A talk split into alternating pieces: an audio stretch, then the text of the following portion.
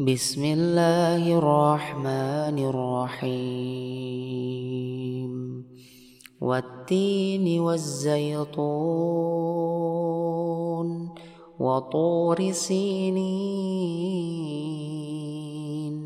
وهذا البلد الأمين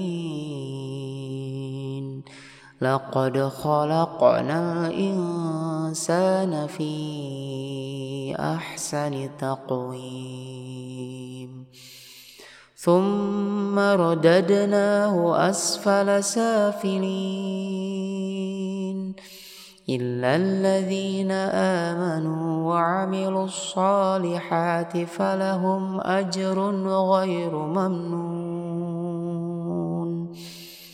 فما يكذبك بعد بالدين أليس الله بأحكم الحاكمين؟ صدق الله العظيم.